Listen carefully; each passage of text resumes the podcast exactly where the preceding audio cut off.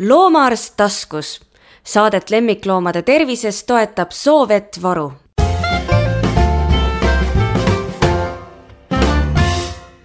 tere, te kuulete saadet Loomaarst taskus, mina olen Tiina Toomet ja minu vastas istuvad Nadežda Kubetskis Tallinna Loomade Kiirabikliinikust ja Helen Valk Viljandi Männimäe kliinikust ja muidugi ütlematagi on selge, et on tegemist nende näol doktoritega, et siin on meil loomaarsti saade, enamasti me kutsume külla doktoreid. ja seekordsed doktorid tahaksid meile rääkida või õieti mina tahan, et nad räägiksid mulle ja teile sellistest teemadest, mis on aktuaalsed nüüd kevadel, eriti mürgistustest, mürgistest äh, esemetest, taimedest, loomadest, millest iganes, mis võib siis olla ohtlik lemmikloomale, kes ka siin kevade tulles väga rõõmsalt tahab siis hakata jälle maailma uudistama. et ma kõigepealt pöörduksin sinu poole, Nadirda. et äh, sina ilmselt seal kiirabikliinikus ikkagi näed hästi palju erinevaid selliseid õnnetus- ja mürgistusjuhtumeid et kas on midagi, mis oleks sellised äh, hästi iseloomulikud, noh, eriti just nagu, et kuna te olete kiirabikliinik, töötate ka ööpäevaringselt ja mis oleks siis ka iseloomulikud võib-olla rohkem kevadele, et oskad sa midagi mulle välja tuua? no üldiselt, äh, kui päike hakkab rohkem paistma, siis esimestena, kes pöörduvad meie poole, on rästikuhammustusi ikkagi. see otseses ei ole nagu mürgistus aga noh, loomadel ikkagi kõrvaltoimed tekivad, et hammustuste tursed, vahest äh, teiste organite kahjustusi, näiteks makseneerude oma, ja siis hammustuse koha ikkagi nekroose, siis nahk hakkab kõrbuma. nii et juba olete esimesed rästikuhammustusega loomad juba olete üle vaadanud ja abi andnud sel kevadel ka? kindlasti juba viimased kaks-kolm nädalat. kas teil, Helen, on ka olnud juba rästikuhammustusi? Üks, üks rästikuhammustuse loom on olnud sellel kevadel, jah. siin on ka nüüd vist need seisukohad natuke muutunud, et, et mis, mis see inimene selle peaks nagu südamele panema, et kes nüüd on, ongi avastanud, et ta loom on saanud rästiku käest hammustada, mis sa Nadežda ütled, mis, mis ta peaks kõigepealt tegema, mis see kõige tähtsam asi on? no kõigepealt väga oluline noh, vaadata, kus täpsemalt ta sai hammustada, kui suur see rästik oli, noh, tavapäraselt äh, noortel rästikutel see mürki enam noh, ei ole nii palju ja siis see piirdub ikkagi väikse, väikse tursega ja sellega on kõik. kui on täiskasvanud suur rästik, äh, siis ikkagi võivad juhtuda tõsisemaid äh, kahju, noh, tagajärgi. mis, mille peale peate omanik tähelepanu noh, pöörama nagu looma käitumist, kui valus ta on, kui irutus ja turse tekib et äh, äh, esmaabina võiks kodus hoida ikkagi antihistamiinset ravimit äh,, mis võib noh, koheselt anda, et kui juba avastatud turse võib külma kompressi panna hammustuskohale ja noh, jällegi, kui loom laseb seda teha, et äh, alati vajadusel võib helistada ikkagi loomaarsti poole, küsida noh, kas on vaja kohe tormata loomaarsti nagu juurde või pigem võib kodus olla. on sul, Helen, midagi lisada? vanasti olid igasugused veidrad asjad, mida soovitati ju, need vist enam ei kehti. noh, kui see juhtub äh, metsas matkarajal, siis äh, on soovitus see, et ei lase sellel loomal ise enam edasi liikuda. et ka inimeste puhul öeldakse, et äh, peaks lamama rahulikult ja sama kehtib loomale, et võimalusel siis ta sülle võtta ja ja sealt metsast äh, ära viia. ja, ja esimesena siis muidugi loomaarsti poole pöörduda.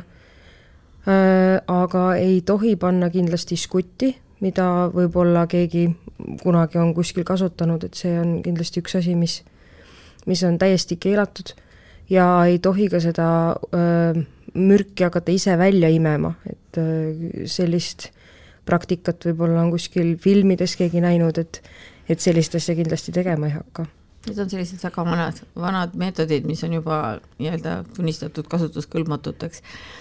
kunagi ma mäletan, kui mina oma praktikat alustasin, siis käidi hirmsasti otsimas ähm, küütabletti, küü on siis nimelt soome keeles rästik ja kuna hästi palju teadmisi tuli meilt Soomest, siis tuli, tuldi ka selle küsimusega ja taheti siis mingisugust hormoontabletti mis siis nii-öelda oleks olnud nagu esmaabivahend rästikuhammustuse puhul, mm, ma saan aru, et need antihistamiinsed asjad võiksid nagu sama rolli praegu mängida, minu küsimus tegelikult on pigem see, et, et need mõlemad äh, ilmselt on mõeldud toimimaks selleks, et ei tekiks sellist eluohtlikku turset, eks ole, et, et loom saaks hingata, aga kui see turse juba tekkimas on ja tekib kiiresti, siis ega me sellele loomale neid tablette ju vist väga hästi enam sisse ei saa.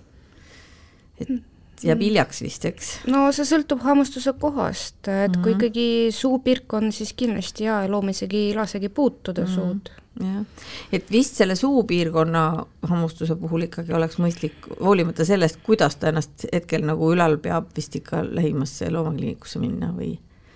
absoluutselt, et sest sest see turse tegelikult võib areneda ju väga kiiresti, noh, rästik on üks, aga ka mesilase, erilase nõelamise puhul see peapiirkond on ikkagi kõige äh, ohtlikum või, või murettekitavam, sest äh, see turse võib areneda nii kiiresti, et see blokeerib hingamisteed ja, ja siis äh, kui loomaarsti abi on, on liiga kaugel, siis see asi võib lõppeda ka surmaga tegelikult. Yeah sest noh, siis ütleme jah, tõesti, esiteks me ei saa seda tablettidele sisse, teiseks ei jõua ka enam toimima hakata, et siis me oleme nagu hiljaks jäänud. mina olen seetõttu küll ausalt öeldes ähm, pigem öelnud inimestele nii, et Eesti on nii väike, et meil on ikkagi nagu nii Tallinnas kui Tartus kakskümmend neli tundi lahti olev kliinik, et, et pigem sõita igaks juhuks sinna kliinikusse selle rästikuhammustusega loomaga, kui jääda nagu ootama, sest kui see turse juba tekib, et siis on natuke jääb juba hiljaks et ma loodan, et ma teid nüüd ületööd väga palju tegema ei pane selle informatsiooniga, aga üldiselt mitte, omanikke juba noh, sotsmeediates on palju infot ka hankinud, et äh, üldiselt nad ikka tulevad kliinikusse. ilmselt see on mõistlik jah mm. -hmm. ja isegi kui seda turset ei teki ja kui on nüüd nagu see oht, et mis tõesti, et ta neere kahjustab, et noh, siis nad ei saa ka niikuinii kodus ju midagi teha, vaid siis teie peate juba ju andma see abi sellele loomale Eestis küll ei kasutata vastumürki, nagu ma tean, eks ole, jah mm. -hmm. et noh, ega see ongi keeruline, sest see ongi väga kallis ja, ja tihtipeale seda ei jätku maailmas inimestelegi, nii et, et et peame neid siis nii-öelda sümptomaatiliselt ravima no,. võib-olla oleme... siinkohal võiks ja. lihtsalt lisada selle, et, et kui kuhugi hakata tormama, siis enne ette helistada, ma arvan, et kiirabis on ka arstid väga tänulikud selle eest, kui, kui kõigepealt ikka teavitada, et ja. selline asi tuleb. võib-olla kui ongi mingi väga-väga suur trauma või, või probleem, miks ei saa vastu võtta, suunata mõnda teise kliinikusse, et et seda nagu omanikele nagu rõhutada, et ja. ette teavitada. jaa, see on hea, hea meeldetuletus ja seda enam, et praegu on ju võimalik helistada ka siis, kui sa juba oled teel. noh, vanasti võis jälle tekkida selline tunne, et ah, mis ma enam aega raiskan selle helistamise peale, et ma panen kohe autosse, ma sõidan arsti juurde, aga tänapäeval on ikkagi see, et sa oled juba teel arsti juurde ja siis ikkagi teatada, et teil oleks siis see valmisolek olemas, et mis tüüpi probleem üldse saabub, eks et see oli väga hea märkus. aga mis siis kevadel veel, no putukatest oli ka natuke juttu, siis oli üks aasta oli päris palju, räägiti sellest tigude mürgist, ma ei tea, kas teil kiirabis on tigude mürgiga mürgistusi käinud äh,? mul on väike ülevaade eelmisest aastast, äh, meil on olnud neid palju, aga paar tükki kindlasti on olnud ja mm., aga kahjuks nad lõppesid ikkagi väga halvasti. jah, sest see huvitav on see, et sellest tigude mürgist nagu varem üldse ei räägitud ja siis selgus, et ta on nagu väga mürgine. et see on tegelikult isegi üllatav, et meil nii vähe neid mürgistusi on, kui arvestada, et ta nii mürgine on kas see võiks olla sellepärast, et nagu reeglina nagu normaalne koer seda ei söö, vaid seda sööbki ainult keegi, kellel on tekkinud mingisugune isuväärastus või mingi, ma ei tea, on seal mingi seletus? ja tavaliselt äh, noh, need mürgipalad on ju noh, kas siis näriliste mürgid ka, need on ikkagi kuidagi maitse, maitsestatud või et neile nagu isu äratavaks tehtud, nii, aga kas see tigude mürk võib olla magus äkki, sest näiteks ka need kodukeemiavahendid, mida mõni koer võib minna lakkuma, nad lähevadki seda sellepärast tegema, et sellel on mingi selline eriline lõhn või et ta on magusa maitsega. Mm.. et aga võib-olla selle tigude mürgi poole pealt on ka see, et me ei tea, kui palju inimesed kasutavad seda päriselt, et seda peaks võib-olla edasimüüjatelt äh, teadma mm, -hmm. et mhm. rotimürki nagu kasutatakse võib-olla rohkem, et, et äkki see on see põhjus, miks me mhm. sellest nii vähe teame. jaa, sest noh, muidu tõesti tundub, et kui ta oleks atraktiivne, et siis võiks neid juhtumeid olla rohkem, samas võib-olla neid tõesti kasutatakse nii vähe, et tänu sellele on neid juhtumeid nii vähe mis sul veel meelde tuleb Nadežda peale selle tigude mürgi, kas mingisugused väetised, veel mingisugused muud peletajad, peletised? no sipelgate mürk perimetriin toimeainega on olnud küll meil mürgistusi, koertel olid küll lihtsalt seedehäired, noh, kui seal liiga palju oli, aga mhm. kassidel ikkagi ka noh, mõni juhtunud mm. -hmm. aga kassil tekivad mingid närvinahud sellest siis? jaa, kesknärvisüsteemi kahjustus mm. -hmm. Noh, rotimürke, need on meil praktiliselt iga nädal, mingi paar tükki kindlasti on juhtumisi. aga kas need on niimoodi, et enamus neist on ka sellised, et äh, ikkagi omanik teab, lõpuks ta nagu plahvatab, et jaa, et ma käisingi seal kuskil maakodus või et koer pääses keldrisse või osad jäävadki nagu selliseks, et kliinilise pildi järgi te noh, nagu arvate, et see võiks olla rutimürk, kuidas see nagu jaguneb? no enamasti nad ikkagi näevad, et ta on söönud okay. seda mm. -hmm et väga harva, et nagu kahtlus, et võis süüa, sest oli ja kadunud see mhm, tükk mm. -hmm kunagi ju räägiti, et see rotimürk üldse ei tohikski nii suuri loomi kahjustada nagu koer, aga ilmselt see siis ikkagi ei vasta tõele või on teil selle kohta mingit uuemat informatsiooni?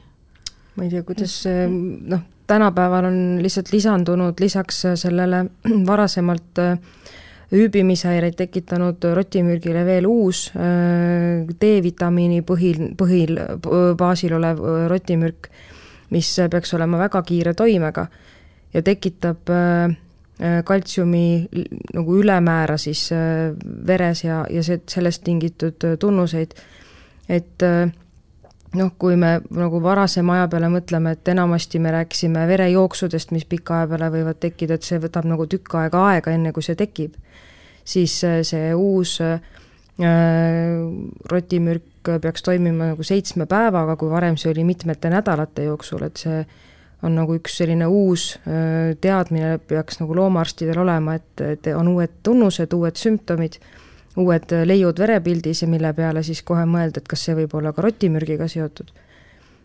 aga teil ei ole olnud ühtegi sellist, on olnud juba mõni? Meil on olnud üks patsient, kellel oli verekaltsiumi sisaldus väga-väga kõrge ja siis hakkasime uurima, et kas võib olla nagu selle rotimürgiga tegemist, noh sealt see välja ei tulnud mm -hmm.. noh, võib-ollagi vaata vahest on ju ka selliseid pahatahtlikke inimesi, kes poetavadki neid palakesi mhm. kuskile mm, -hmm. et kui on väga ablas koer, siis me ei teagi, mida ta sealt siis sisse sai või kust ta selle sai.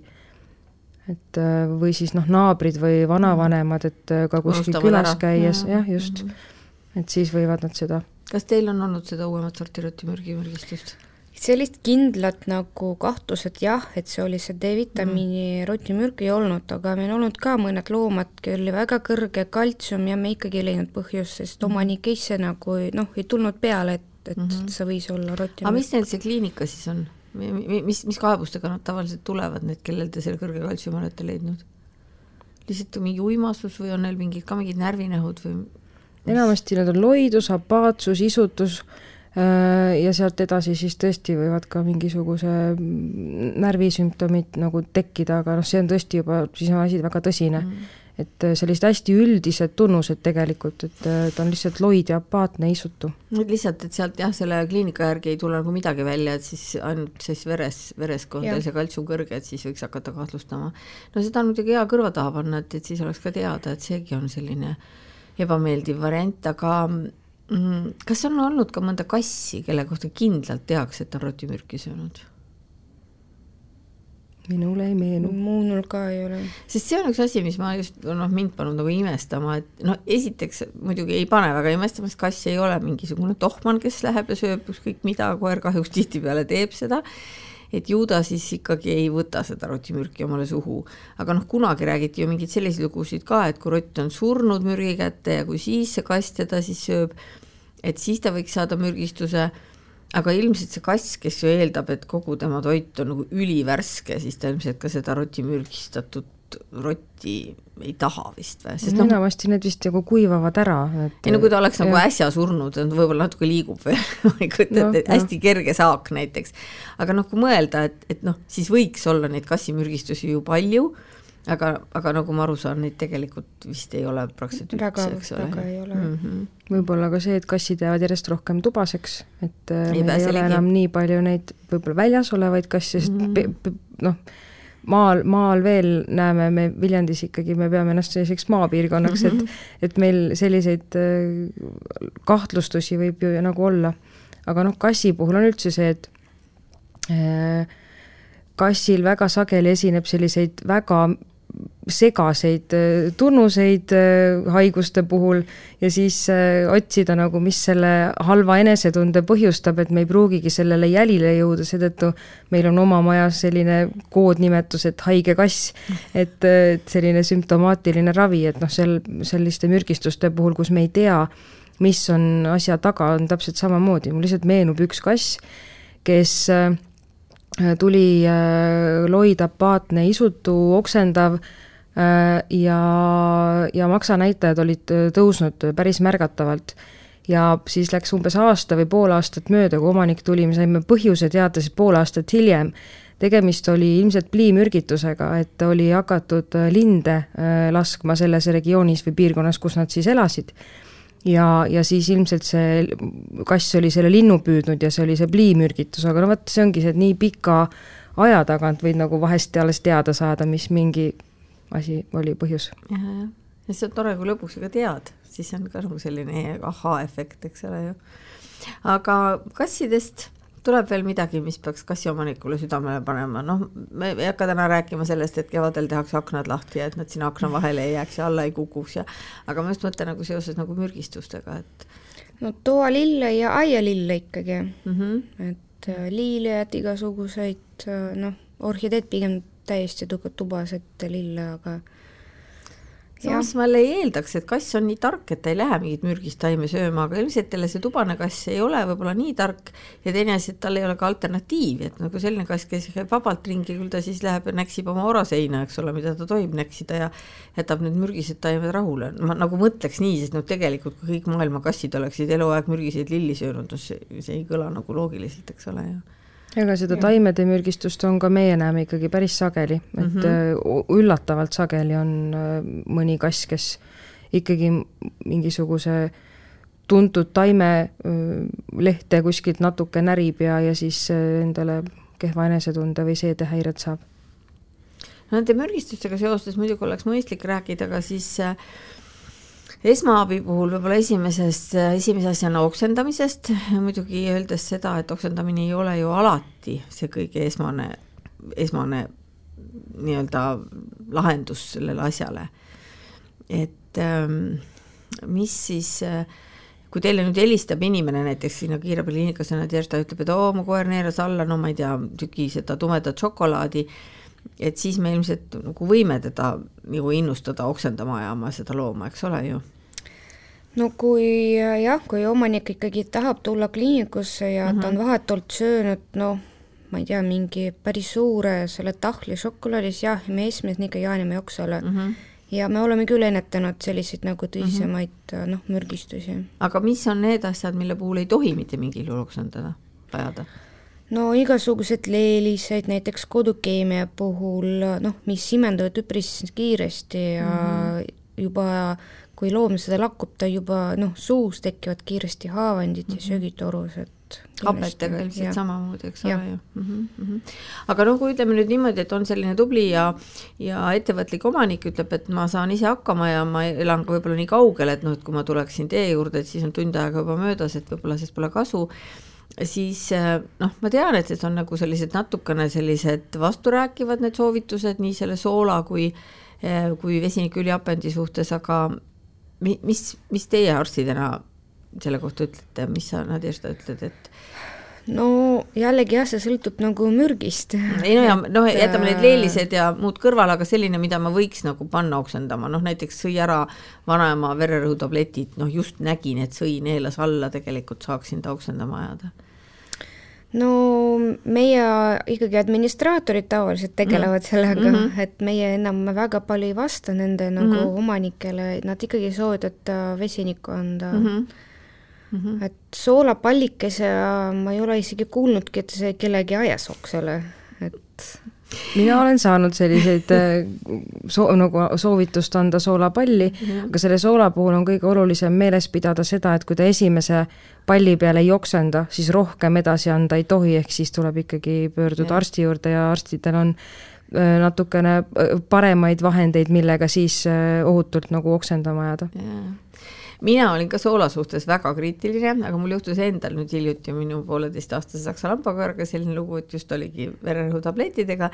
noh, pärast selgus, et ta polnud söönud, ta oli nätsutanud ainult seda pakendit, aga no kust sa tead, kui sa avastad selle koera ja seal on osad tabletid läinud ja mina oleks talle kohe vesinikku andnud, aga mul ei, ma ei leidnud sel hetkel kodust vesinikku ja siis mõtlesin, et okei okay,, et ma siis proovin soolaga, et kui sa ei aita, et siis ma lähen kliinikusse ja minu üllatus-üllatus, mu koer hakkas, see noh, seekord hakkas soola peal oksendama, mul on muidu ka kõik ainult negatiivsed kogemused olnud. ja siis ma muidugi seda siis väga hoolega uurisin, seda, mis sealt tuli välja ja tegelikult ei olnud seal ühtegi tabletti, aga noh, see on see, et sa kunagi ju ei tea. sellega seoses meenub mulle sinu endise ülemuse lugu, kelle kelle kaks koera vaatasid suure tordi juures, kui ta korraks uksest välja läks, šokolaaditordi juures ja kui ta tagasi tuli, siis oli tort läinud ja siis ta oli sunnitud mõlemale maaloputuse tegema ja ainult üks oli söönud, teine sai ilmaaegu aga no jälle, kunagi ei tea, eks ole ju. aga äh, nüüd on äh, selles mõttes üks nagu päris hea uudis ka, et et ma osade mürgistuste puhul ju tegelikult oleks ju näidustatud ka söetablettide andmine, eks ole ju. noh, kui me, kui on selline mürk, mida, mida me saaksime nagu neutraliseerida. noh, koduses ole. vahendis, kui on võimalik anda, siis ikka jah, muidugi mm. -hmm.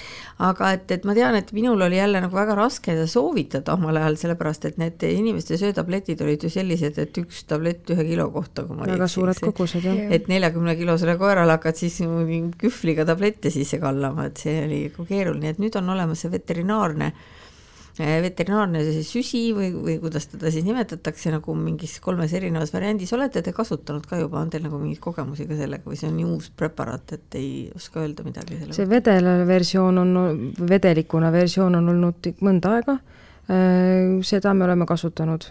me oleme ka vedelikuna kasutanud. Eh, mürgistuste puhul ei saa me mööda minna ka sellisest asjast nagu ravimid.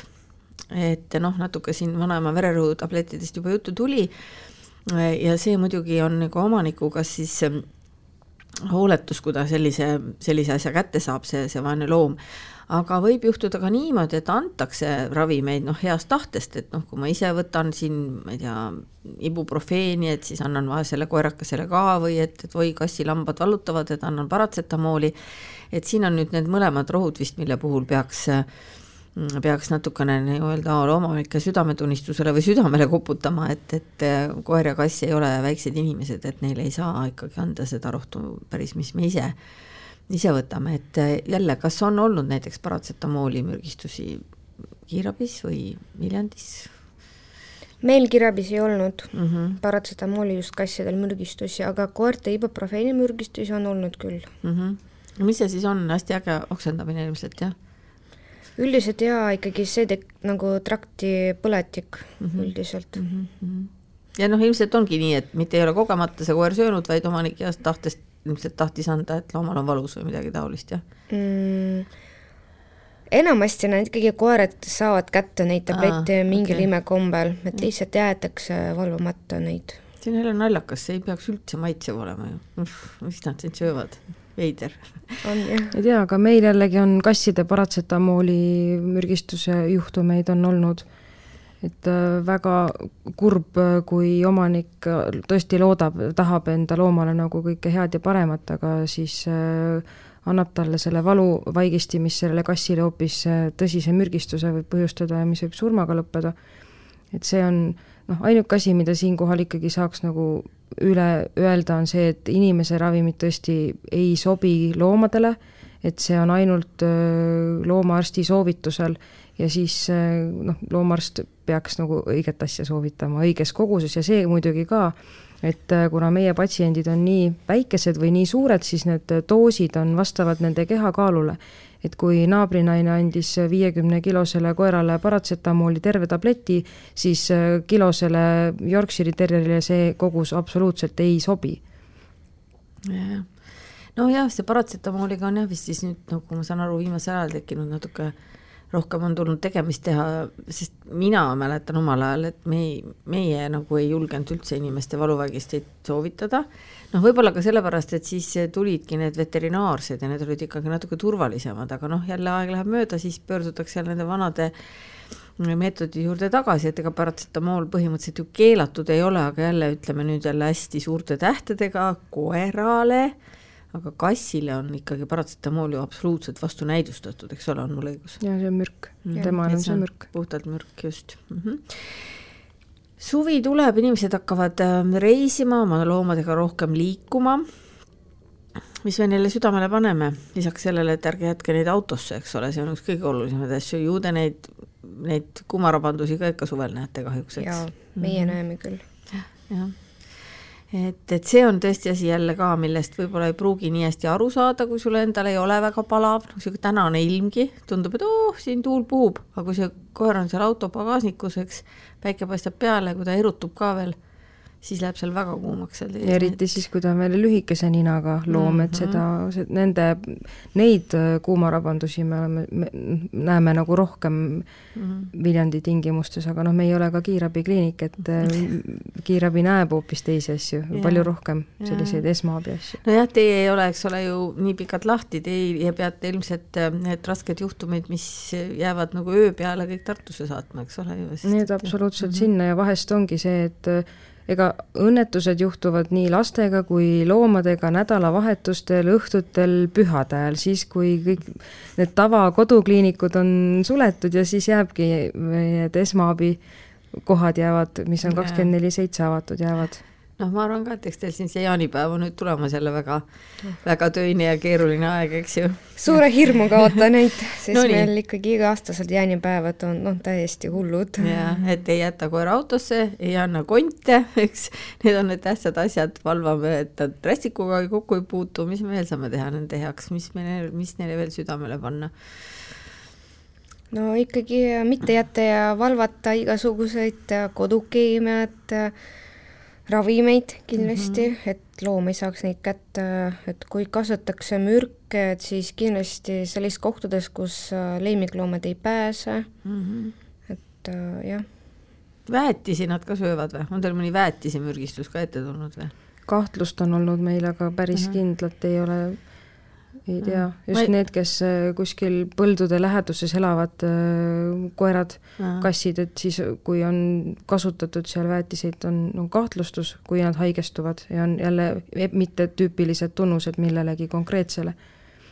aga kindlad, kindel ei ole ju. ma ei pea silmas siin kanakakat, mida minu meelest kõik koerad suure heameelega tahaksid süüa kahe suu poolega ja millest ilmselt lõpuks tekivad lihtsalt seedehäired, kui neid liiga palju saavad, aga et see pole nüüd otseselt mürgine, eks mis võiks olla inimestel nii-öelda varuks, noh, noh kodus kindlasti, aga võib-olla ka siis, kui sõidetakse ringi, et, et ka autos mingi selline spetsiaalne koeraapteek, mis need, mis need soovitused oleksid? Te hakkate võidu ütlema, üks ütleb ja teine no mina pakuksin näiteks sellist nagu ainult nagu enteroskeel, absorbent, toksiinide absorbent ahah, nii, ja mm,. kindlasti söetablette. jah, või siis neid uusi lahuse moodi asju, mis on. no pastana ja lahusena, pastat võib-olla isegi mugavam anda, sest see vedeliku kogus jälle võib olla suurele koerale muidu ikkagi suur mm. -hmm. et on võib-olla seda pastat jälle lihtsam anda mm. -hmm. noh, siis ilmselt mingid haava hooldusvahendid, eks ha. haavapuhastusvahendid, mis ei sisalda alkoholi mm. -hmm noh, antihistamiinsed ravimid, aga jällegi, et äh, pigem siis, kui tekib vajadus nende andmises, pigem konsulteerida loomaarstiga mm. -hmm. sest jälle seal on doos, doosi vaja arvestada vastavalt loomale ja kõigile jälle ei sobi kõik, et kassile ei saa anda kõiki ju samu, mis koerale, et siin tekib see. jah, see peaks olema siis ikka oma loomaarsti pealt nagu ja. välja kirjutatud, eks ole, jah ja. mm. -hmm ja nii, mis seedimispastad kindlasti, sest et seedehäireid ikka võib tekkida ka hoolimata mürkidest, et söövad mingisugust veekogust midagi, muidugi vetikate hooaeg võib hakata, sõltub, kuidas meil see suvi on, sest vetikate mürgistus on ju ka mm -hmm. rohevetika. see on ka päris tõsine. ja mm, -hmm. ja, ja. nii, sidevahendid, ava, ava, avahooldus, mürgistuse vastu seedepasta, puugi need pintsetid võib-olla, et saad puugi kätte, noh, rääkimata sellest, et puugitõrje võiks olla tehtud, aga sinna me ei lähe, see on juba teise, teise saate teema. Ma ei tea, kuidas Viljandis meie ikkagi Tallinna inimesed tormavad kiirabis, et pukke eemaldada, nad ikkagi ei julge seda puutuda. Võib-olla ega me näeme ka puugi eemaldamise osas, aga muidugi sõltub sellest, kus ta asub, see puuk, et vahest yeah. tõesti on väga väike koer ja ta on kuidagi seal silma peal või vahel ja üksinda inimene kodus teda kätte ei saa mm.. sellist suurt paanikat nagu vast kliinikusse ei ole, see sõltub just asukohast, et kus ta on. ja, ja just, just. et kas saab ise kätte mm. -hmm, mm -hmm. nii, aga ma ei tea, kui siis rohkem praegu midagi hetkel meelde ei tule et siis me võime täna selle teema lõpetatuks lugeda. Ehm, loodame, et sellest on ka natuke kasu, et võib-olla on selliseid äh, raskeid juhtumeid teil tulevikus vähem, et ikkagi mürgistustega osatakse nagu tähelepanu pöörata, et loomad ei saaks kätte neid ohtlikke aineid ja, ja muidugi hästi tähtis, mis ma ise lisaksin, on see, et selles apteegis või mis karbike või kastikesi siis on, kus kus need vahendid on, et seal võiks olla siis oma kodukliiniku ja siis ka muidugi nende ööpäevaringsete kliinikute kontaktandmed, sellepärast et kui midagi juhtub ja siis hakata seda nagu paaniliselt otsima, et siis on jube raiskame aega. aga teile siis palju edu siis ja puhake, puhake ka ikka suvel natuke, eks ole ju. aitäh ja kõigile rahulikku ja oh, ohut, oht, ohtude vaba suve